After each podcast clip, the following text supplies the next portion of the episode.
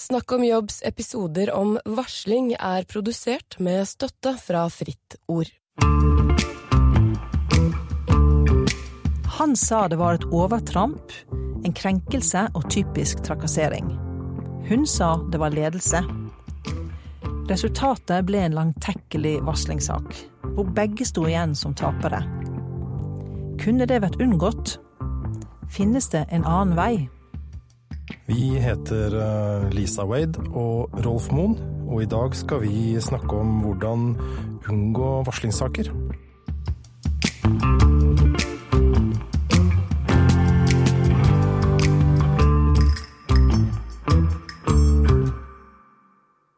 Velkommen til eh, Snakk om jobb sin serie om varsling.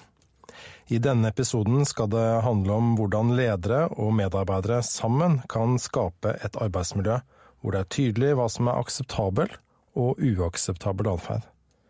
Eller hva som er innafor og utafor. Og så har vi med oss en gjest. En dame som kan mer om varsling enn de fleste.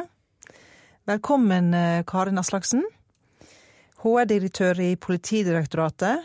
Eh, tidligere arbeidslivsforsker, og med bakgrunn fra annet Orkla og Elkem. Tusen takk. Karin, eh, politiet har jo slitt med flere varslingssaker. Og den mest kjente er Monica-saken i Bergen. Hvor politimannen Robin Schäfer varslet om mangelfull etterforskning etter at dødsfallet på en åtte år gammel jente ble henlagt som selvmord. Saken ble gjenopptatt, og morens tidligere samboer ble dømt for drapet på Monica og fikk 18 års fengselsstraff. Det er jo heldigvis sjelden dere i politiet har så alvorlige varslingssaker. Eh, men vi eh, ser jo i media at det med jevne mellomrom er varslingssaker i politiet. Hva skyldes det? Monica-saken var en kraftfull lærdom for oss. Den rystet eh, både samfunnet, politikere og oss i politiet. Og vi har brukt mye tid i etterkant på å ta lærdom av den saken. Både i forhold til hvordan vi håndterer en varslingssak, men også det viktigste kanskje, hvordan vi skal prøve å forebygge at medarbeiderne går til det skrittet å skulle varsle. Samtidig så er politiet i en evig skvis mellom prioriteringer eh, og ressurser. Og det fører til at eh, det innimellom kan også være faglige uenigheter om hva som faktisk skal gjennomføres av eh, saker. Det betyr at som ledere har vi et stort ansvar for å prøve å kommunisere hva som skal prioriteres, men allikevel kan det være opplevde uenigheter, og som innimellom kan ende opp i at man ikke blir enige om hva som skal prioriteres, og at medarbeidere da kan velge å bruke varslingskanalen for å si fra om noe de opplever som urettferdig. Mm. Hvis jeg kan komme med et spørsmål der, så lurte jeg på akkurat det her med hva, hva er det dere gjør øh, øh, som forebyggende grep? For å unngå, unngå det hele. Mm. Hva, hva er det dere driver med i politiet nå om dagen? Noe av det viktigste vi gjorde i etterkant av Monica-saken, var at vi gjennomgikk eh, våre varslingsrutiner. Det gjorde vi sammen med tillitsvalgte og med vernetjenesten. Og på bakgrunn av det så laget vi nye rutiner, og var enige om at dette var måten vi skulle gjøre det på. Og så så vi jo fort at eh, det er ikke nok å bare ha gode rutiner, vi er nødt til å lære opp lederne våre, tillitsvalgte og vernetjenesten, til å forstå hvordan man skal etterleve dem. Okay, så det er et stort uh arbeid der, både rutineutvikling og opplæring? Jeg, ja. ja. det er riktig. Mm. Og nok opplæringen eh, vel så viktig, og kanskje viktigere enn det å bare ha rutinene. For hvis man ikke har forstått det som står i rutinene, eh, når det på en måte gjelder, så er det litt for seint. Ofte. Men kan du bare gi et eksempel på en sånn rutine jeg tenker på for eksempel eh, For det gjelder denne Vi behøver ikke gå inn i Monica-saken, men det vil jo ofte dreie seg om faglig uenighet, f.eks. Men bare gi et eksempel på en rutine, så vi skjønner litt hva du, hva du mener. Det som viser seg å være viktig i en varslingssak, er at det blir tatt raskt tak i. Og i våre rutiner så står det f.eks. at når et varsel kommer til en HMS-rådgiver, eh, så skal det ikke ta mer enn tre dager før det varselet blir undersøkt. Det er en del av vår rutine. Så tempo. Ja, Tid er viktig i en sak, for ofte så er det jo sånn at en varsler kan ha gått en stund før vedkommende sender et varsel. Når vedkommende først har sendt det, så blir eh, opplevelsen til vedkommende at eh, nå ønsker jeg at denne saken blir håndtert så raskt som mulig. Og hvor ligger disse varslingsrutinene, er det mulig å finne de? De ligger på vårt, uh, vårt intranett. Mm. Lett tilgjengelig for alle, og de heter Takk for at du sier ifra. Så fin tittel. Mm. Ja. Mm. Og det er nydelig. Altså, sier ifra, det er jo et uh, hverdagslig ord i ja. mitt øre, da. Ja. ja. Å si ifra. Og det er jo noe av det vi egentlig ønsker å, uh, å jobbe med. Du spurte om det forebyggende. Vi mm. ønsker jo at uh, vi skal etablere og ha et arbeidsmiljø hos oss hvor det er trygt å si fra, før det kommer opp til å bli en sak som ofte blir satt på spissen gjennom en varslingssituasjon. Så vi ønsker at folk skal si fra om ting som ikke fungerer, så tidlig som mulig, men da må vi også ha ledere som evner å lytte og ta tak i dette, og løse dette sammen med medarbeiderne på lavest mulig nivå. Ja, dere trener ledere, men eh, hvordan er det med medarbeidere? Det er jo også ganske vesentlig at de vet hva varsling er og ikke er. For det første så har vi jo prøvd å tilkjennegi tydelig hvor varslingsrutinene våre ligger, og hvor de kan varsle dersom de vil det. De kan både varsle anonymt i en varslingskanal som justissektoren har iverksatt, eller de kan varsle til nærmeste leder, til sin HMS-leder, eller eh, på nettet. Men eh, det er også viktig, syns jeg, å si at eh, som arbeidsgiver så har vi et ansvar for å på en måte kartlegge hvordan medarbeiderne sitt arbeidsmiljø er. Og det gjør vi jevnlig ved å gjøre arbeidsmiljøundersøkelser. Og gjennom det får vi jo en god oversikt over hva er på en måte de ømme punktene hos oss. Hvor er det medarbeiderne sier ifra at ting er vanskelig? Og det er jo et lederansvar da å bruke den informasjonen til å jobbe konstruktivt og systematisk med arbeidsmiljørelaterte problemstillinger. Samtidig så så vi jo under metoo-bevegelsen at noe av det som kom frem, var jo at mange av de historiene viste jo at kolleger kunne observere at medarbeidere og kolleger ble utsatt for på en måte uheldige eh, påkjenninger eller seksuelle tilnærmelser eller andre hva skal jeg si, uønskede hendelser. Uten å gjøre noe? Uten å gjøre noe. Og det sier jo også noe om en veldig viktig drivkraft eh, for vår handling, nemlig konformiteten det er en drivkraft i arbeidsmiljøet som ofte gjør det at det er vanskelig å si fra i det daglige fordi man ikke ønsker å stikke hodet frem, eller at det er eh, uuttalte regler for hva som er greit og ikke greit i et arbeidsmiljø. Rolf, dette er noe du kjenner igjen fra, fra ditt arbeid, konformitet og kravet til det ja, som hører til i flokken? Jeg tenker det er et sånn grunnleggende menneskelig trekk. Vi er så flokkdyr at det å tilpasse seg flokken, det å, det å ta og steppe ned istedenfor å utfordre, altså det å si ifra, er et svært uh, problem for oss mennesker. Grunnleggende fordi, vi, fordi det er uh, det, det, rykker ved status. Du spiller med statusen din, og det, det er farlig. Du spiller med statusen, du risikerer å bli upopulær, betyr det? Risikerer å bli upopulær, risikerer å bli støtt ut av flokken.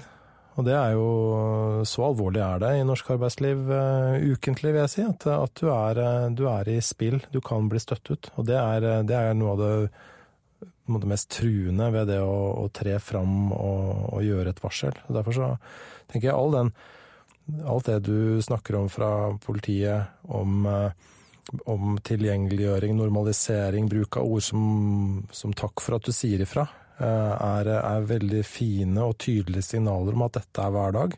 Og det er med å senke terskel, tenker jeg, for, for det å si ifra. At det er ønskelig. Men hvordan trener vi mennesker til å si ifra, rett og slett? Til å, til å gå utenfor Dette går virkelig å gå utenfor sin komfortsone. Og kanskje kritisere lederen sin, kritisere andre. Jeg tror at det viktigste er eh, i den treninga vi prøver å gjøre nå med våre ledere, det er å eh, lære seg til å også lytte til det som blir sagt i et arbeidsmiljø til daglig. Det er ofte krevende nok i en travel hverdag. Og ofte hvis man har vært øh, og ofte er det travelt i politiet, og at man ikke tar seg tid nok til faktisk å lytte. Hva er det medarbeiderne prøver å si? Er det noe alvorlig her som jeg burde stoppe opp og gå tilbake og utforske mer? Eller er dette noe som medarbeiderne sier i farta, og som kanskje ikke betyr så mye? Og der tror jeg vi har veldig mye å lære. Jeg tenker særlig hvis det er hvis, en, hvis den som sier fra at du som leder er litt lei den som sier ifra, fordi den personen sier ifra om, om mye forskjellig, og, og, likt og ulikt, som det heter, så, så tenker jeg at da er det ekstra stor fare for at man vender det døve øret til. Da. Så er det viktig også når du eh, innledningsvis snakket om politiet. Vi har jo vært igjennom en veldig stor reform. 16 000 medarbeidere har vært igjennom endringer, og vi har ansatt mange hundre nye ledere. Og i det landskapet så er det også eh, mange som skal finne sine nye plasser, og som kan oppleve at det går fort, at ikke de får de jobbene de helst ville ha, og at eh, ikke lederne og vi har vært gode nok til å kommunisere og informere. Og da er det jo også eh, dette bakteppet som ofte er preger eh, varslingssakene, eh, som ikke egentlig skal bety noe for hvordan du skal behandle innholdet i varselet, men som ofte kan prege allikevel saken. Så, så, det du mener er at det, i, i, en virksomhet eller i en organisasjon så er det faser med f.eks. stor omstilling hvor man blir ekstra sårbare for, for å gjøre feil, ja. og hvor man må ha en ekstra lydhørhet for, for, eh, for varslinger?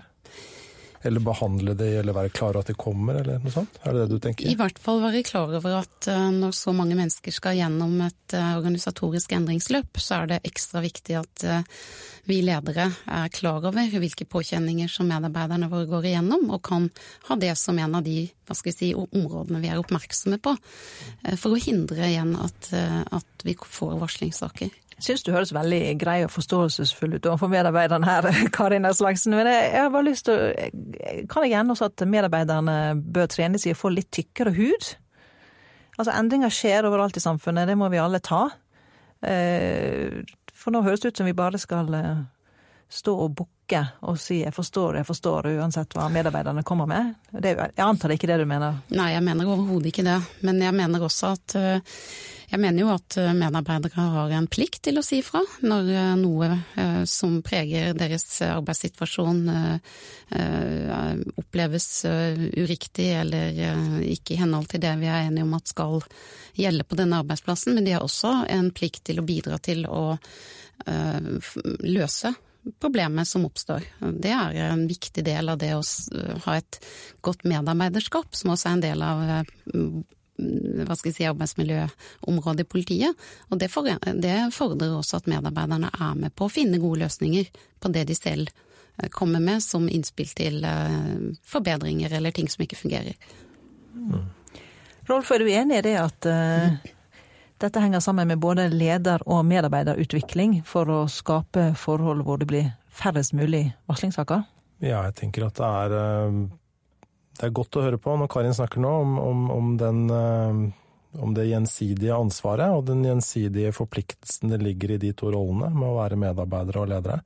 Samtidig som jeg også hører at, eh, at lederen har en helt spesiell rolle, en helt, et helt spesielt ansvar, og derfor får ekstra trening i mm. å håndtere det ansvaret. Så det, det, ligger også en slags sånn um, oppgradering av lederens ansvar i det, i det spillet her, da eller i den uh, måten å organisere seg på.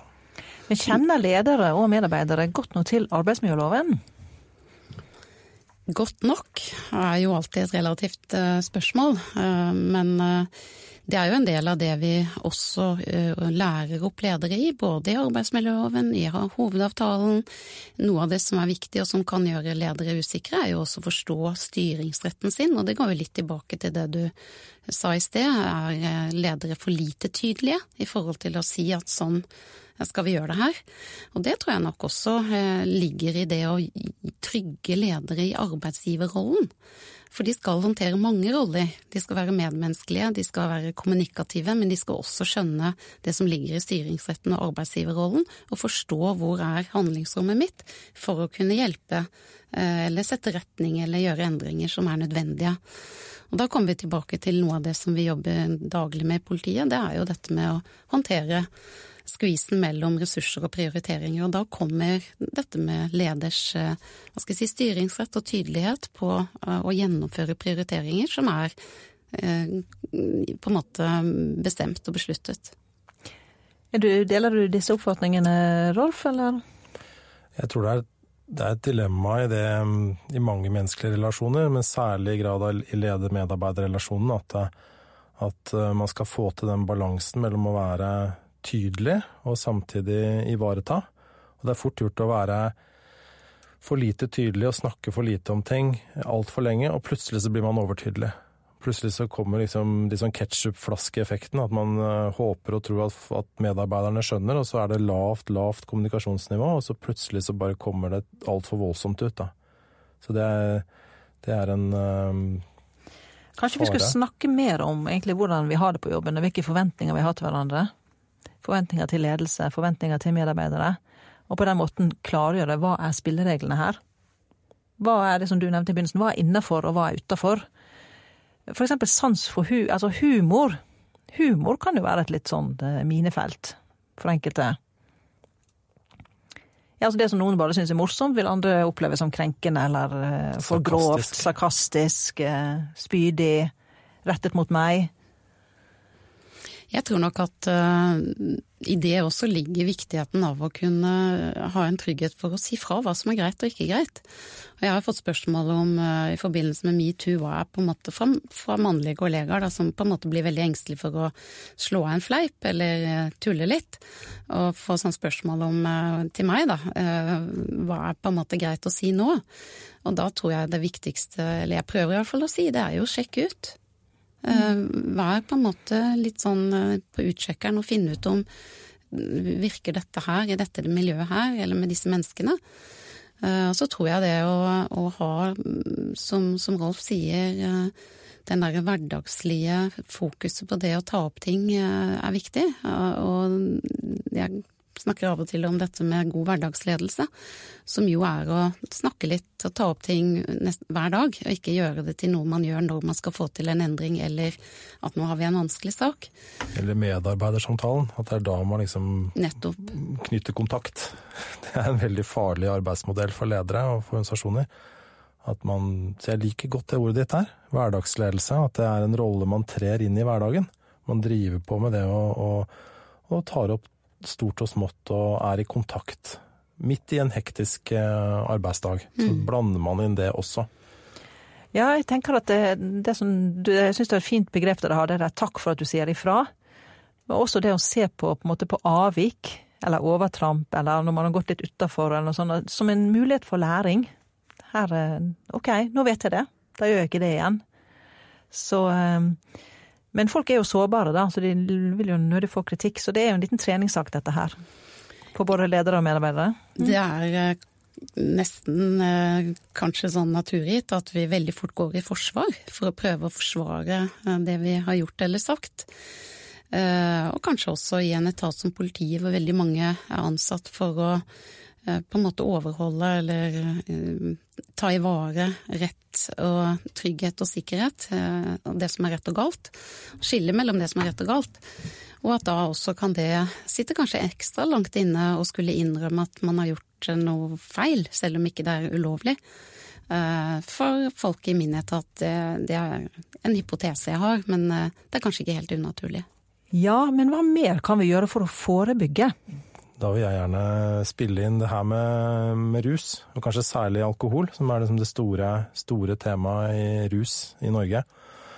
Og jeg ser at en del virksomheter de, har, de er liksom blinde for, for, ruskulturen sin. De er blinde for at det feires og festes og, og uh, wining and dining er, sto, er, stort i enkelte bransjer. Og, og det feires at det er, man har kommet i mål med forskjellige deler av arbeidsprosessene sine. Og det her kan føles som så naturlig og så integrert i, eh, i, arbeidet at de er helt blinde for at eh, de lever med høy risiko. Hva er risikoen? Risikoen er at, eh, er at, man gjør ting som man ikke burde gjøre når man er i berusa tilstand. Det er kanskje derfor, derfor man nettopp ruser seg, for å tørre å gjøre ting man ikke ellers gjør. Men det kommer med en veldig høy kostnad. Det kommer med en kjempehøy kostnad, og Særlig når man skal forvalte et lederskap, eller forvalte kollegarelasjoner og, og, gjør ting man eh, ikke burde ha gjort, så eh, kan man både utøve verbal vold i form av trakassering veldig, veldig raskt. Man kan, man kan skli inn på metoo, risikofylt atferd. Som, så, så, det å, å Men Mener du at vi bør ha et alkoholforbud på norske arbeidsplasser?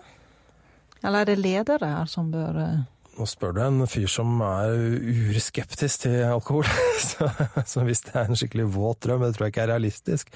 Men jeg, jeg ser så mye alkoholskade at jeg får lyst til å si ja. Men, men det er jo litt sånn tøysete å si, men jeg, jeg tenker at det, det, må, det, må, liksom I enkelte bransjer i norsk arbeidsliv så må det ordentlig, ordentlig ned. I hvert fall hvis jeg var sjef. Så ville jeg jobba systematisk og ordentlig for å få det, få det redusert. Eh, og, og, og, sånn sett spare virksomheten for, for, og folka som jobber der, for, for å leve med høy risiko. Jeg syns det er uansvarlig. Skikkelig uansvarlig. Er dette et problem i politiet, Karin? Jeg kan ikke si at vi har eh, noen dokumentasjon på å kunne svare ja eller nei på det Rolf her presenterer eh, fra sitt virke. Når vi ser på det som er årsakene til varslingssaken hos oss, så er ikke rus eh, den årsaken som meldes inn som den viktigste. Den forekommer i forbindelse med noen av personalsakene våre, men sjelden er det en årsak til en varslingssak. Derfor så tror jeg, eh, i forhold til ditt opprinnelige spørsmål om hva vi kan gjøre for å forebygge, så vil jeg slå et slag igjen for det å på en måte få en oversikt over hva er de ømme punktene i vår organisasjon, og begynne å sette inn tiltak der. Og igjen så tror jeg at vi må både se på det ut fra et individuelt perspektiv, hva den enkelte leder og medarbeider kan gjøre, men vi er også nødt til å se på det i et mer hva skal jeg si, eh, struktur- og maktperspektiv. Eh, og noe av det som vi har jobbet mye med, og jobber med i politiet, det er jo å se på eh, verdien og viktigheten av å få en bedre kjønnsbalanse i lederstillinger. Eh, hvor vi også, hvis vi ser på en del av metoo-hendelsene, kanskje ser at noe av årsaken til mange av disse historiene ligger i en ubalanse i maktstrukturene. Eh, og som har påført eh, disse handlingene, eller utløst en del av disse handlingene. Så flere kvinner inn i politiet, det kan være en viktig forebyggende for å få Ja, hos oss er det kvinner i mindretall i lederposisjoner, og derfor så er vår eh, handlingsplan rettet mot å løfte kvinneandelen i typiske lederposisjoner i politiet. Klart og godt. Ja, nå har vi vært gjennom litt av hvert eh, når det gjelder forebygging. Hvordan vi skal skape arbeidsmiljøer hvor det er ok å si fra. Sånn at vi unngår de store, alvorlige varslingssakene. Helt på tampen, kan jeg få noen gode råd til ledere som nå lurer på hva de skal gjøre? Et godt råd? Et godt råd for hver av dere. Skal jeg starte? Mm. Da tror jeg jeg får lyst til å bare følge opp eh, det Karin er inne på når det gjelder kvinner i ledelse, eller eller mangfold i ledelse. Det å få, få, få inn mangfold i, i, maktposisjoner, slik at, at ikke det blir monokulturer som preger lederroller. At du får inn forskjellighet på kjønnssiden og også på personlighet og hvordan man på en måte uttrykker seg. At man, at man dyrker, dyrker, forskjellighet inn i de rollene. Det er det ene rådet jeg har lyst til å gi deg. Satt på mangfold, altså. Mm. Karin? Jeg tror det er viktig at vi kartlegger og får en oversikt over de ømme punktene i uh, organisasjonen du leder. Uh, lytte godt til medarbeiderne og utøver tydelig hverdagsledelse ved å sette retning hver dag og lytte. Og mitt råd er skap en kultur hvor tilbakemeldinger er naturlig og positivt. Med denne episoden så er vi ferdig med serien om varsling. Neste uke skal det handle om krevende kolleger, utfordrende samarbeid, og hvorfor dette umulig kan være din feil. Ha en gnistrende arbeidsuke så lenge. Produsert av Rubicon.